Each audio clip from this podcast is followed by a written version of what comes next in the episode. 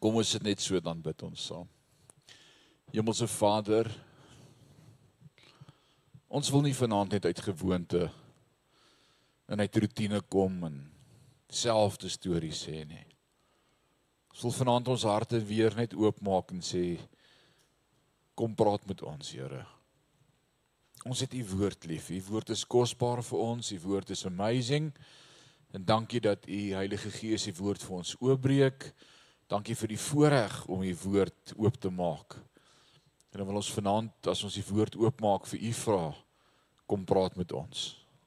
Uit u woord uit. Mag dit woorde uit u hart wees. Mag ons u hart hoor en mag ons vanaand respond. Mag ons luister en mag ons verander. Ons loof U daarvoor in Jesus naam. Amen. 2 Korintiërs hoofstuk 6 en ons begin vanaand by vers 1. 2 Korintiërs hoofstuk 6 vers 1. Nou sommer net hier aan die begin van vers 1 kan ek dalk sien dat jy al sommer klare probleme gaan hê in jou eie Bybel met wat daar staan. Wie lees almal die 33 53 vertaling nog? Het iemand dalk nog 'n Nederlandse Bybel? Niemand meer nie. Ek onthou net toe net toe die Afrikaanse Bybel in 1933 uitkom toe hoor ek dis nou word nou vertel van hierdie kerkraad gesien na AGS gemeente wat toe 'n lang kerkraadsvergadering tot laat in die aand het oor sal hulle nou die Afrikaanse Bybel begin gebruik of gaan hulle bly met die Hollandse Bybel. En toe staan die een broer op en hy sê as Nederlands goed genoeg was vir Paulus, is dit goed genoeg vir hom.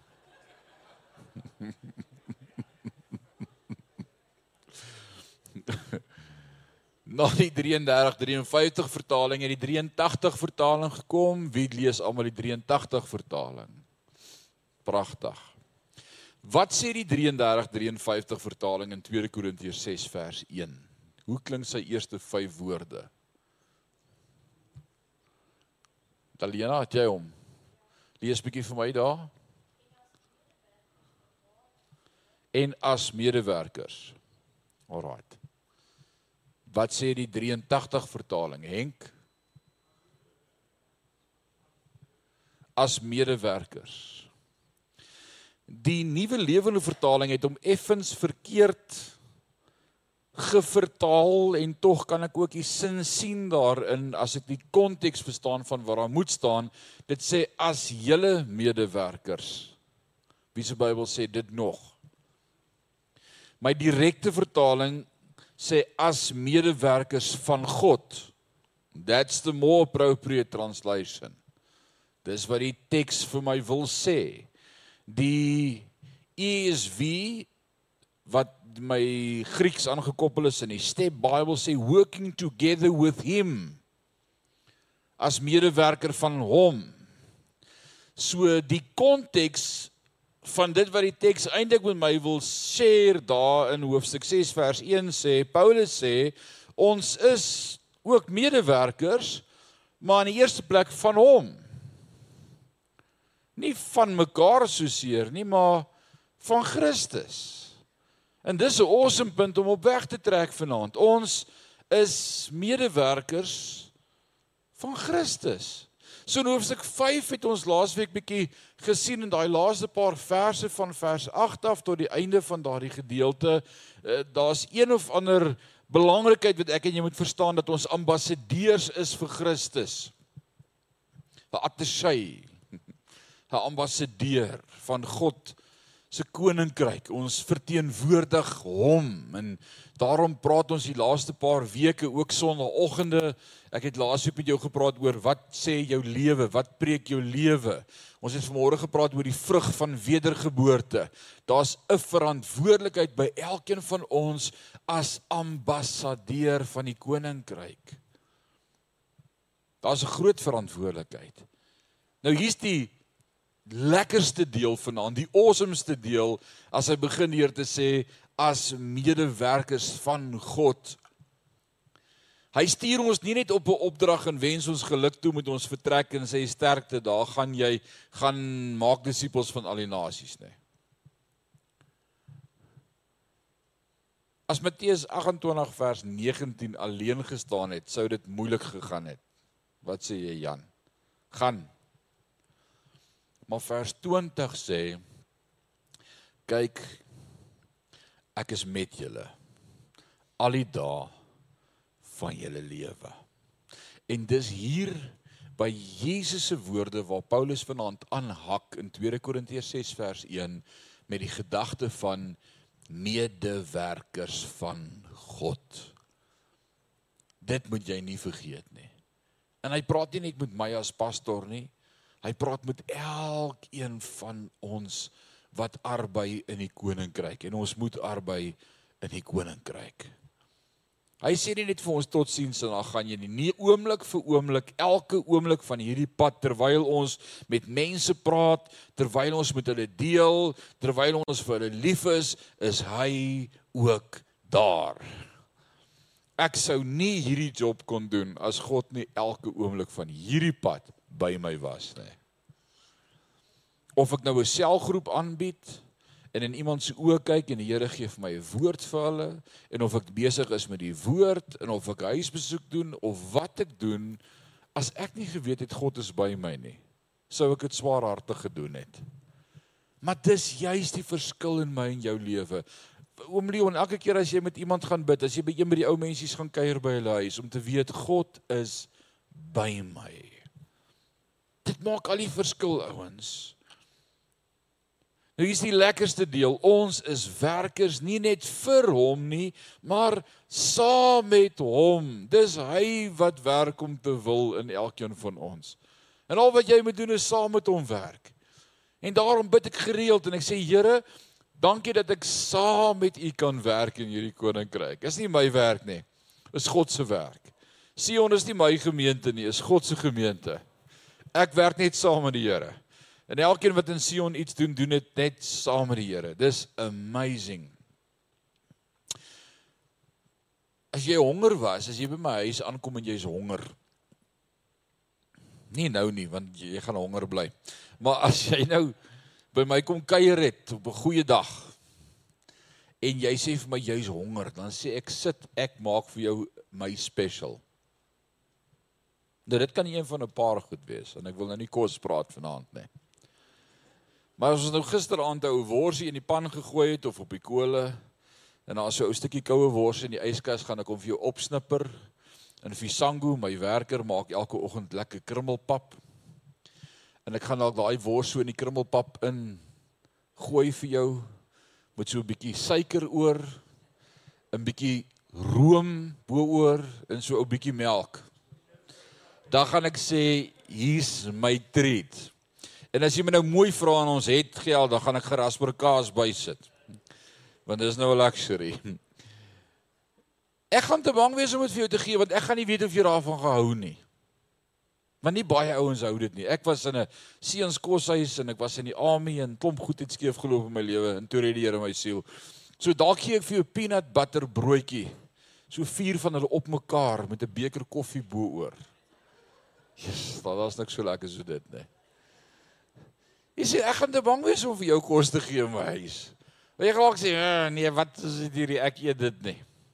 Maar weet jy wat? Wanneer ek Christus met jou deel en ek weet hy is by my.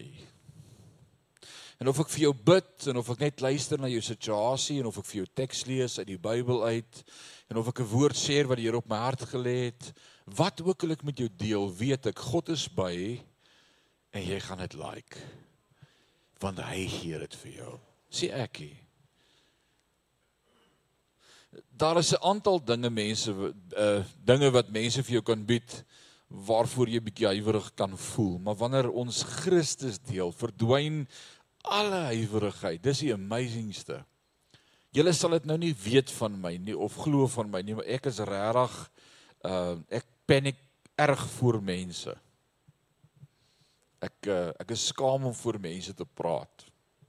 Baie. Maar as ek oor die Here praat, was ek nog nooit skaam nie. Nog nooit nie. Ek weet so 'n hele klomp jare gelede toe kry meneer Chris de Swart by die laerskool my om uh, by die onderwysers van die hoër en die laerskool saam te kom gesels op onderwysersdag. Kan julle dit onthou? Juffrou Rita. Daar in die laerskool se skoolsaal. Jesus, ek was nervous. Ek was so nervous. Want as ek klomp onderwysers van die hoër en die laerskool. Dis seker 10 jaar terug. En daai aand, Jesus, ek het al my notes reg en ek het my gedagtes reg en alles reg en ek sê vir die Here ek is nervous en hy sê vir my hoekom jy gaan dan oor my praat en dit is soos o ja, dis waar.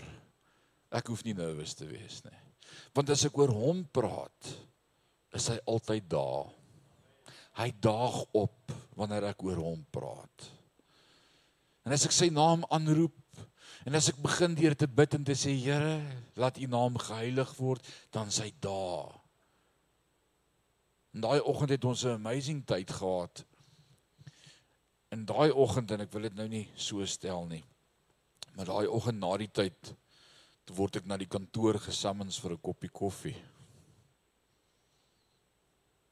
En dit was nie 'n man by wie jy sommer gaan sit en koffie drink nie. Julle sal weet, julle werk het vir hom gewerk.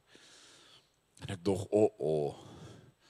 En hy druk die deur so toe en met trane in sy oë sê hy vir my, ek wil jou meer by hierdie skool hê.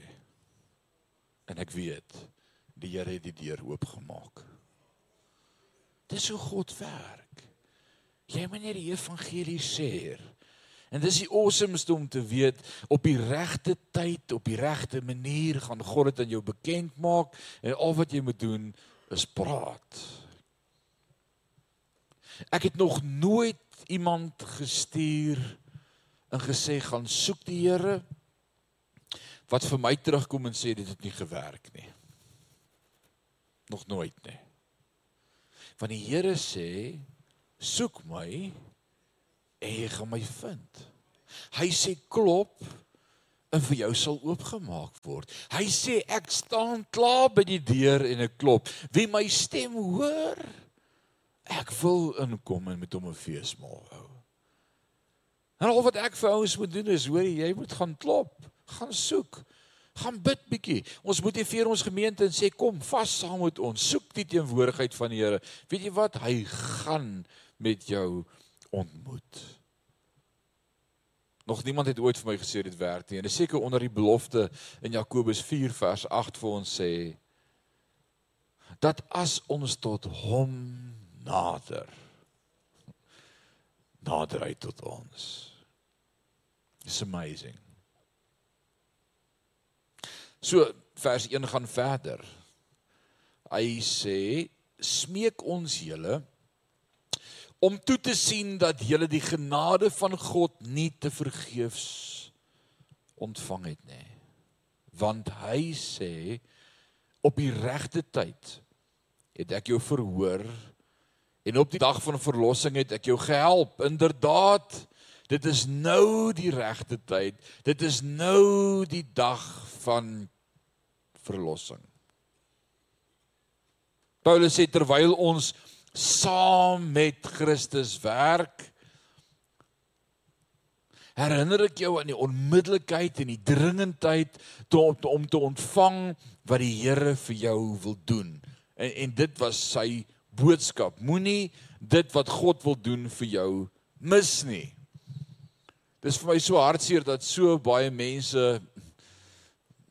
die Engelse woord sê ignorant, né? Nee, dis 'n mooi Afrikaanse woord. Wat is 'n mooi Afrikaanse woord vir ignorant? Dom. Hoe sê wat is wat is die woord vir ignorant? Onnoosel. Dis 'n pragtige Afrikaanse woord.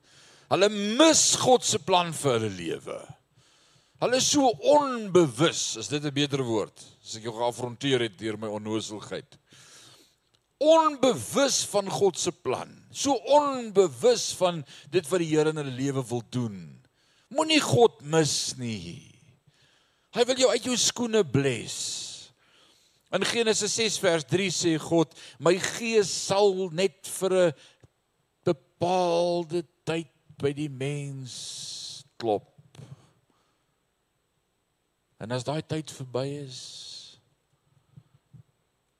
God se gees gaan nie aanhou om in jou deur te klop nie. Hy gaan net vir 'n bepaalde tyd. God het dit bepaal van die begin af. So wat ek vir ouens sê as jy daai hoor aan jou deur klop, maak oop. Dis baie maklik. Ouens kom by my met trane in hulle oë en sê ek het droog gemaak, ek het sonde gedoen. Sal God my ooit kan vergewe? Was dit nie dalk die onvergeeflike sonde nie? Asseblief bid dat die Here my vergewe dan sê ek ek is so bly jy het gekom. Jy sou nooit uit jou eie uitgekom het nie. Dis die Heilige Gees wat jou dryf om te sê soek God.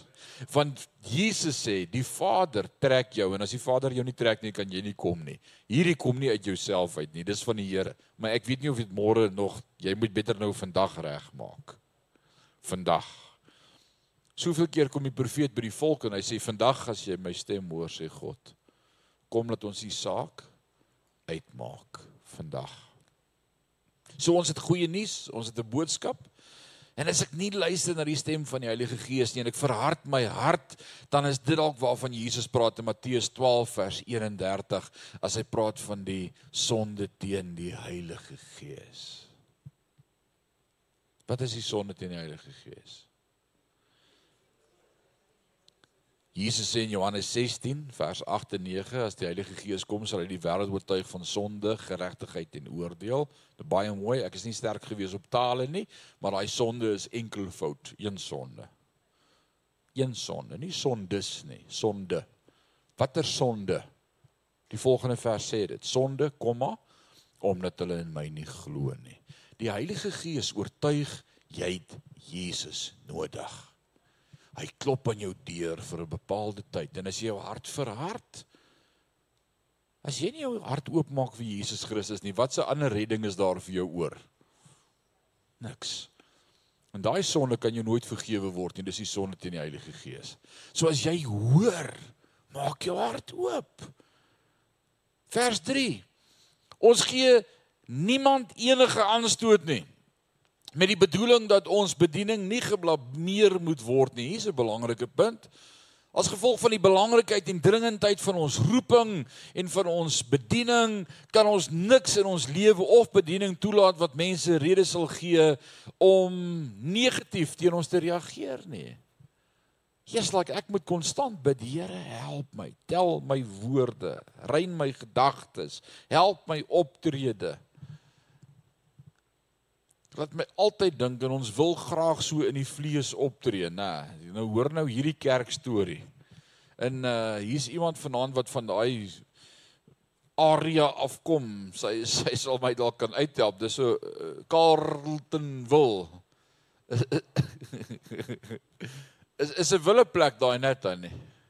Ja, hulle het jare daar gebly, Carltonville. En en en Yes, hierdie aand in die kerk ek wil nie sê dit was by die Follies in Kilton wil nie, so ek gaan nie. Maar daai aand in die spesifieke gemeente uh is die hele band op die verhoog en gitaarspeler is daar en die voorsangers en alles. En die broer wat die gitaar speel. Hy sien hier's 'n broer in die gemeente wat vir sy vrou oogknik, sy sing voor. En hy kyk vir haar en hy kyk vir die broer en hy sien die broer oogknik vir die vrou. En die broer besluit dis nie van die Here nie. En hy haal sy kitaar van sy nek af en sit hom neer en hy stap af en hy roer daai ou. Slat hom plat. Die sangleier sien wat gaan hier aan en hy sê dis nie van die Here nie. En toe die broer teruggeloop kom toe roer hy die kitaarspeler.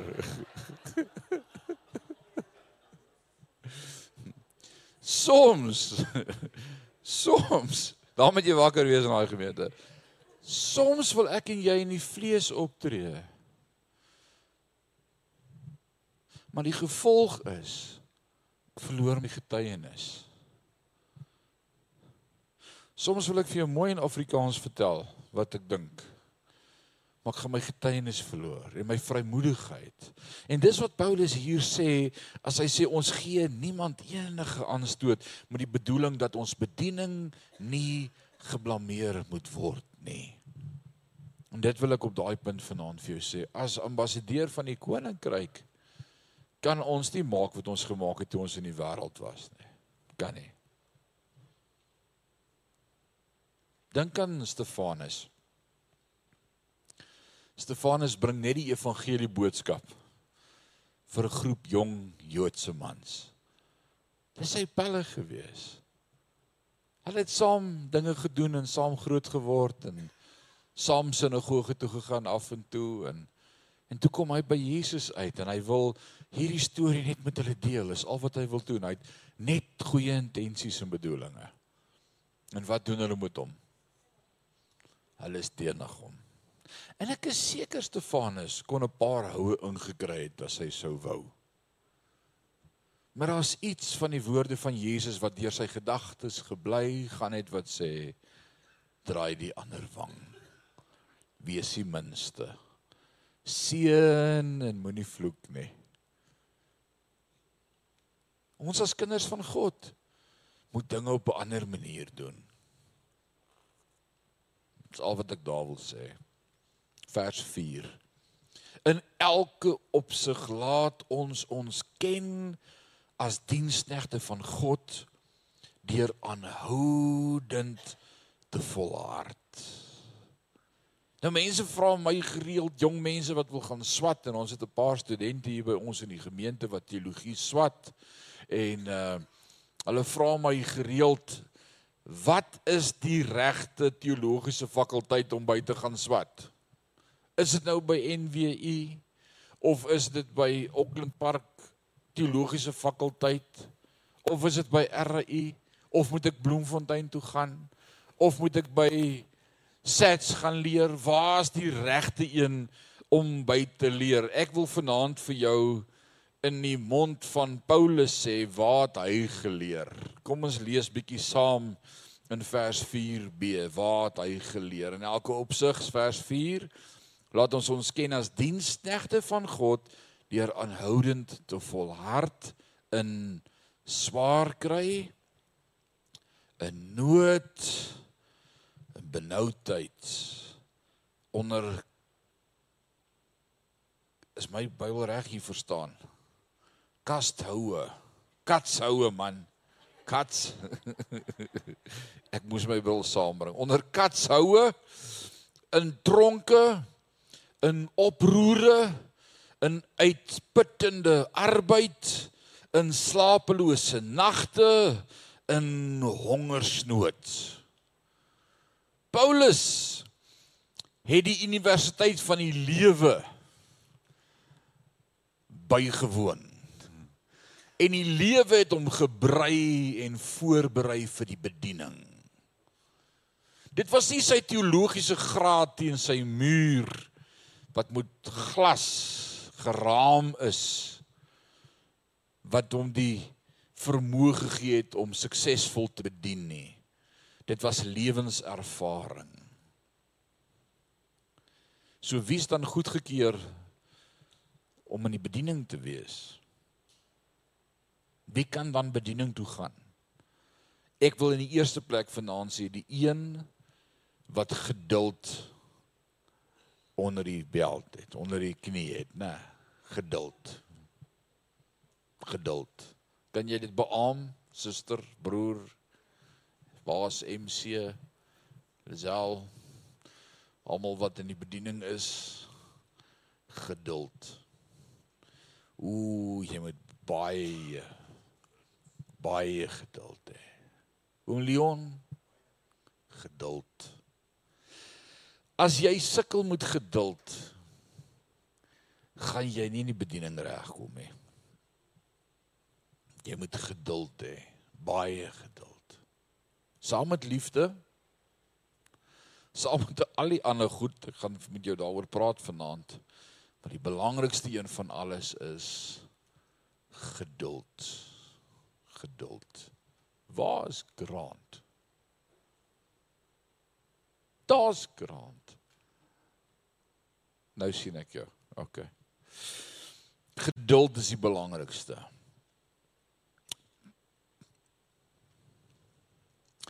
Baie mense begin die bediening voordat hulle regtig gereed is. En dis een van die redes hoekom nie baie ouens hou in die bediening nie, né? Hulle harte is goed, hulle bedoelings is reg, maar so was die hart en voornemens van Moses ook gewees. Ek wil julle daaraan herinner, Moses was tweede in bevel van die hele Egipte. Sy hart was ontroer toe hy slawerny van sy Joodse broers sien dit het hom geraak. Hy het empatie gehad, hy het 'n gevoel gehad vir hulle en omdat hy wou help toe hy sien hoe 'n Egiptenaar 'n Joodse slaaf slaan, het Moses die Egiptenaar doodgeslaan en hom in die sand begrawe. Ja, hy wou net goed doen. Hy wou sy broer help. Nou kyk as dit nou ek was, En ons pas dit nou in vandag se lewe toe, dan sit nou so goed 'n vrou kom vir huweliksberading en vertel vir my haar man slaan haar en ek sê moenie jy worry nie, sit jy net hier. Ek weet hy's by die huis, ek's nou terug. Ek gaan vir hom nou uitsort. Hy sal in sy lewe weer aan jou slaan. dit sou 'n verkeerde approach wees tot die bediening. Ek wil soms, ek beloof jou ek wil soms. Nou sê ek vreeslike goed van hierdie kansel af. Soms wil ek vir haar sê roer hom. Ek kan net sê die Here moet ons help. Dit maak dat Moses vir 40 jaar vlug en vir 40 jaar nie sy voete in Egipte kan sit nie. En God se plan moet vir 40 jaar op ys gesit word totdat Moses op die plek is waar God sê nou kan ek jou weer gebruik moenie in die vlees optree en dinge wil reg roer en reg slaan en sê dis nie van die Here nie. Wa. Uh, uh. Dis nie ons se doen nie. We walk by faith and not by sight. And we know all things are going to be all right.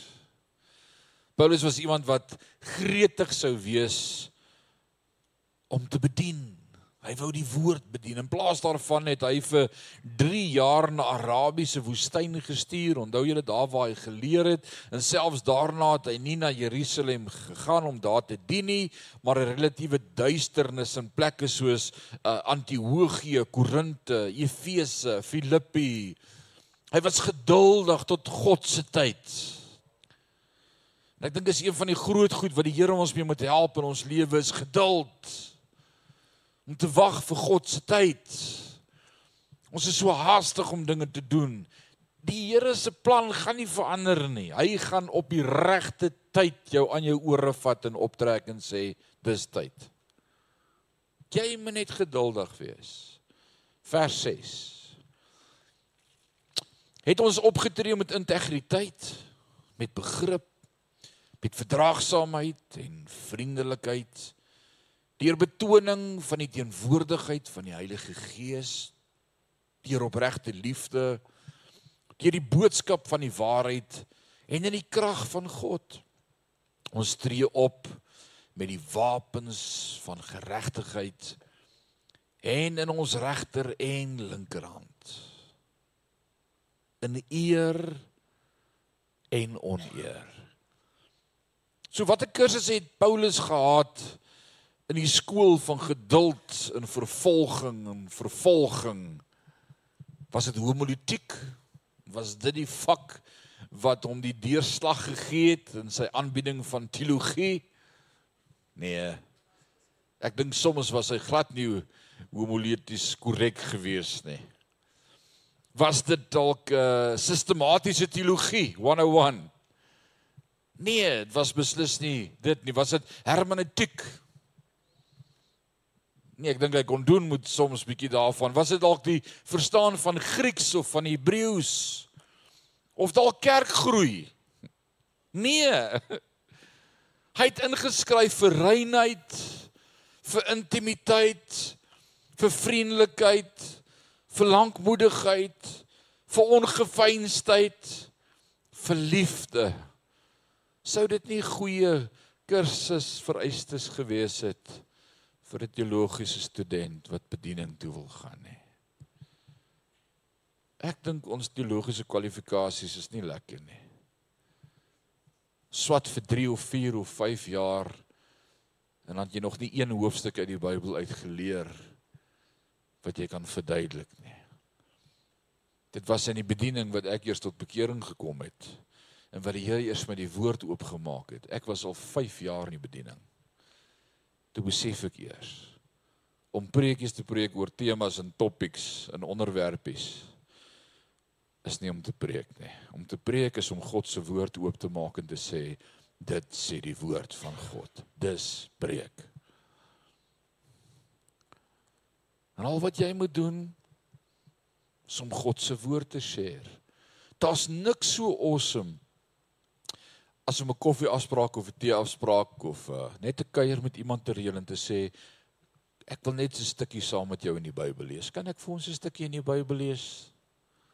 En lees 'n stukkie en sê, "Sjoe, hoor wat sê die woord vir ons." Wat sien jy hier in? Wat sien ek hier in? Dis fellowship. Dis stigting. Dis tot opbouing.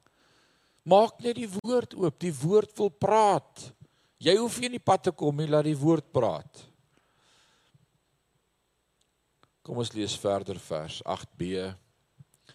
In veragting en aanprysing soos verleiers en tog is ons opreg soos onbekendes en tog is ons goed bekend soos mense wat sterwend is en kyk ons lewe as gegeseldes en tog is ons nie doodgemaak nie ek wil vanaand vir jou sê mense gaan nie so maklik dood nie Het jy dit al agtergekom? Kom eerlik, wie van julle het al gedink julle gaan doodgaan? Steek net die hande op. Nee, eerlik. Ag sy mat, hy het laasweek gedink hy gaan doodgaan. hy het 'n verskriklike maagvirus of 'n ding onderlede gehad. Eers is jy bang jy gaan dood. En dan is jy bang jy gaan nie dood nie. Want jy wens jy kan doodgaan, hè. Hoeveel keer het jy al gedink jy gaan dood? En jy is nog steeds hier. Na? En dis wat ou Paulus sê. Hy sê vertrou net die Here. Het Paulus sy opleiding voltooi met 'n meestersgraad in teologie of 'n doktorsgraad of 'n PhD verwerf van een of ander universiteit? Nee. Hy is klaar beskou as 'n bedrieger, as onbekend, nie ontvang deur die intellektueles in Jerusalem nie. En hoewel Paulus dalk onbekend was in Jerusalem, was hy wel bekend in die hel. In die hel. Ja. Kan jy onthou toe die seuns van Skefa begin het om demone uit te dryf? Ons lees dit daar in Handelinge 19 die seuns van Skewa besluit hulle gaan bietjie ook probeer demone uitdryf. En dan sê hulle en ek vertaal dit sommer so direk. Hy sê ons besweer jou in die naam van Jesus wat Paulus verkondig, gaan uit. En hierdie demoon dink by homself hy hy sê dit gaan lees Handelinge 19 vers 15. Hulle sê Jesus ken ons. Paulus ken ons. Maar wie is julle? Wie is julle laities wat ons wil uitdryf wie? Wat vir my sê die duiwel het vir Paulus geken. Hy was goed kwaad vir Paulus wat Paulus alles teen hom doen en praat en sy storieetjies omkeer. Die demone het verstaan dat Paulus 'n ware bedreiging was, dat hy een was wat hulle koninkryk van duisternis en dood sou beïnvloed en dit sou terugslaan in die naam van Jesus Christus. Ek wil vanaand vir jou vra, ken die duiwel jou? Ek moet nou nie vir my so Dion sê jy is met sy suster getroud nie. Asseblief. Ons gaan vanaand 'n uitnodiging gee. O nee, dit was Job se vrou. Skus, Talena, ek het nou Ek maak moeilikheid. Ken nie duiwel jou naam? Jy begin bid. bewe die demoniese vestings en die strongholds en die sterk man en sal siektes ek nie buig en sê ek ken hom vlug Wanneer as het jy autoriteit gevat in die geestesdimensie omdat God met jou is? Gesê groter is hy wat in my is as hy wat in die wêreld is. Silwer en goud het ek nie, maar wat ek het gee ek vir jou in die naam van Jesus Christus van Nasaret. Staan op en loop. Dis autoriteit. Ons ons beweeg in 'n geestesdimensie. Efesiërs 6 sê ons stryd is nie teen vlees en bloed nie, maar teen die bose magte en die owerhede in die lig. Hoe voer ons stryd? Ons stryd ons met mekaar. En die duiwel lag. Want hy sit agter alles. En ons identifiseer nie eers sy werk nie. Hy's 'n vuil goed. Pastor Wouter Blom sê sy kop is so plat, hy kyk onder deur die wit streep van 'n teerpad. En steeds vang hy ons elke keer met dieselfde triek. Die woord sê ons is met sy planne nie onbekend nie. Johannes 10:10 10 sê die dief kom om te steel en te slag en te verwoes. Dis al wat hy kan doen. Steel en slag en verwoes. Maar Jesus het gekom sodat ons lewe en lewe in oorvloed kan hê. O oh man, mag jy God se oorvloed beleef in jou lewe. Vers 10 sê as bedroefdes en tog is ons altyd blymoedig. Kan jy dit saam met Paulus sê vanaand? Hy hy sê ek het rede om te huil, maar ek is altyd blymoedig. Is dit nie 'n mooi getuienis nie? Dis iemand wat hoop het in Christus. Opgeruimd. Hoop in Christus. As jy hoop het, dan is jy opgeruimd. Soos bedelaars. Maar ons verryk baie mense. Geld hoef nie ander mense ryk te maak nie. Jy maak hulle ryk met die evangelie en met jou gesindheid en met jou smile en met jy het nie geld nodig om ander mense bly te maak nie, man. Christus. Soos mense wat niks besit nie en tog besit ons alles. Vir my is Christus die lewe. Paulus sê dit, Filippense 1. En om te sterwe is 'n wins. Wat baade die mense sy die hele wêreld het maar aan sy siel skade lei. Hoewel hy voortdurend vervolging in die gesig gestaar het, was die trane wat Paulus gestort het nooit vir homself nie. Ek lees nooit nooit in een van die briewe dat Paulus huil oor sy eie omstandighede nie. Nooit. Inteendeel in Filippense sit hy in die tronk en hy skryf vir die gemeente in Filippi en hy sê: "Hey, verbly julle in die Here. Hy is julle sterkte."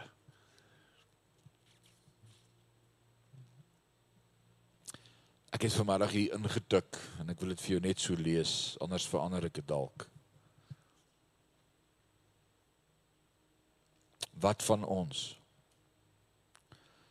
As twee flesse voor my geplaas word eendag in die hemel, een gemerk trane gestort vir myself en 'n ander een gemerk trane gestort vir ander. Hoe sal dit vergelyk?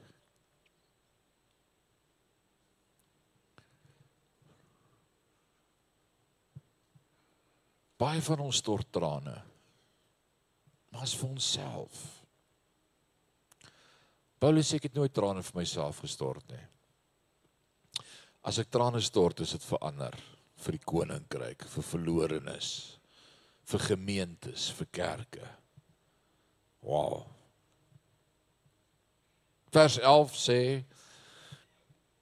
ons het ons monde tot julle voordeel oopgemaak Korintiërs Ons harte is regtig oop vir julle.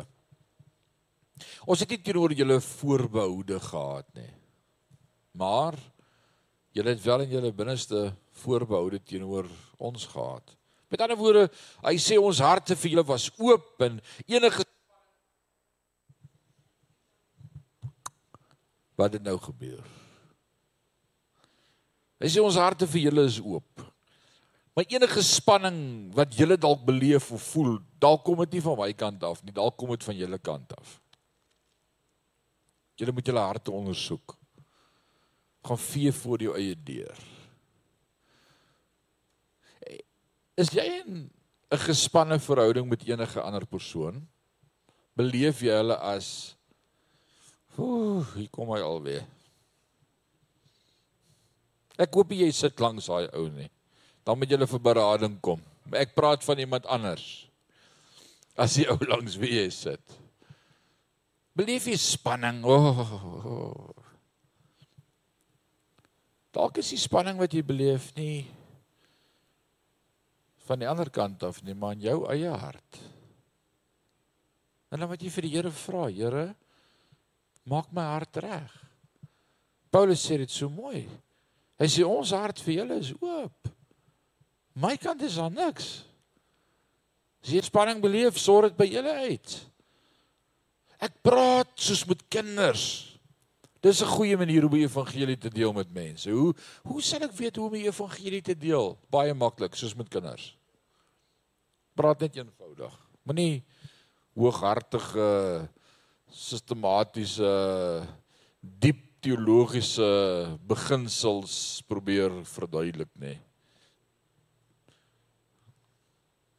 Moenie wegspring met die wit troon oordeel in die regterstoel van God nê. Jy gaan hom totally verloor. Moenie wegtrek met dispensasie teologie nê. Dispensasie. Wat is dit? Nee. so maklik soos Jesus loves you this I know for the Bible tells me so. Little one to him belong. They are weak but he is strong. Net net die wete Jesus het jou lief. Dis dis dis die boodskap dis die evangelie. Hy sê ek praat met kinders Wil julle nie nou ook vir ons terugbetaal deur julle harte vir ons wyd oop te maak nie? Dis 'n mooi 'n mooi mooi mooi gebaar om net jou hart oop te maak. Paulus sê omdat ons goedgekeurde bedienaars is. Hy het hom nou net gekwalifiseer en gesê wat sy kwalifikasies van die lewe waardeur hy alles is om te kan bedien. Hy sê nie sy theological credentials nie. Hy sê wat is sy lewenservaring wat hy het, sy geduld en hoeveel keer hy pak slaag gekry het en hongersnood en naak en en al die goed waardeur hy moes gaan in die lewe sodat hy die evangelie boodskap sonder enige konflik in sy hart of gevoelens met liefde aan hulle kan bedien. En al wat hy vir hulle vra is Maak net oop julle harte.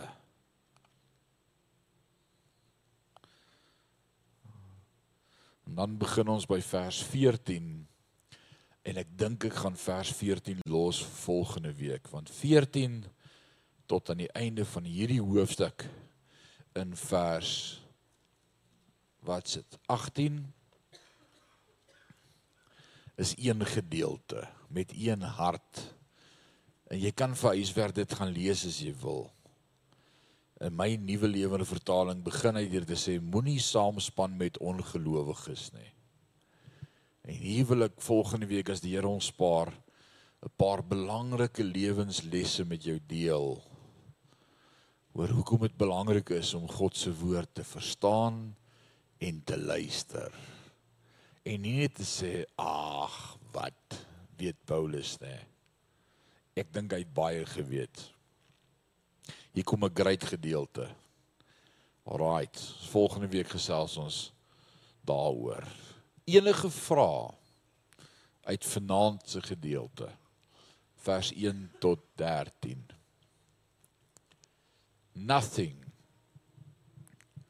Is nou ons is bly jy kuier bietjie by ons. Al die pad daai die Oos-Kaap uit.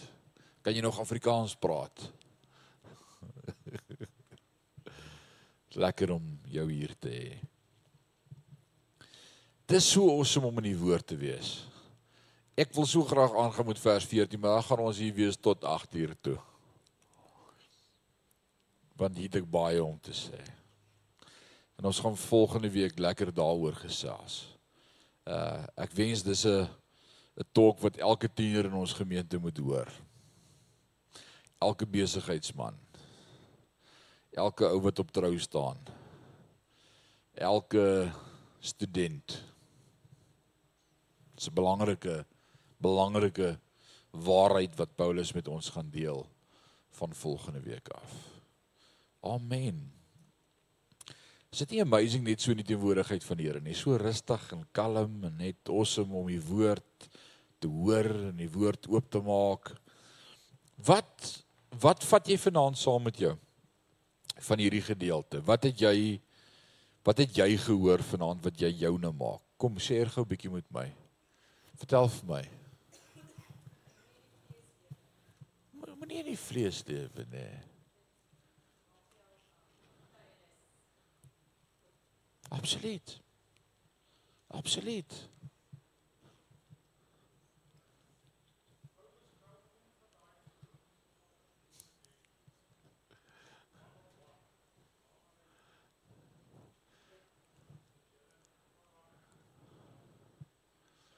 Is dit nie die belangrikste vak ooit in ons lewe nie? Wedergeboorte. Kontak met God 101. Daai dag toe Jesus sy oë blind maak sodat hy kon sien. Is dit nie 'n paradoks nie, Henk? Dat jy moet blind word om te kan sien. Ons sê baie keer jy weet nooit wat jy het in die lewe totdat jy dit verloor nie. Die oomblik toe hy sy sig verloor, toe begin sy gees God sien. Want sy oë was in die pad gewees. Hy het al hierdie ander goed gesien en toe God dit wegvat, toe moet hy met sy hart kyk en wat sien hy? Hy hoor God en sy lewe verander. Dis die amazingste ding.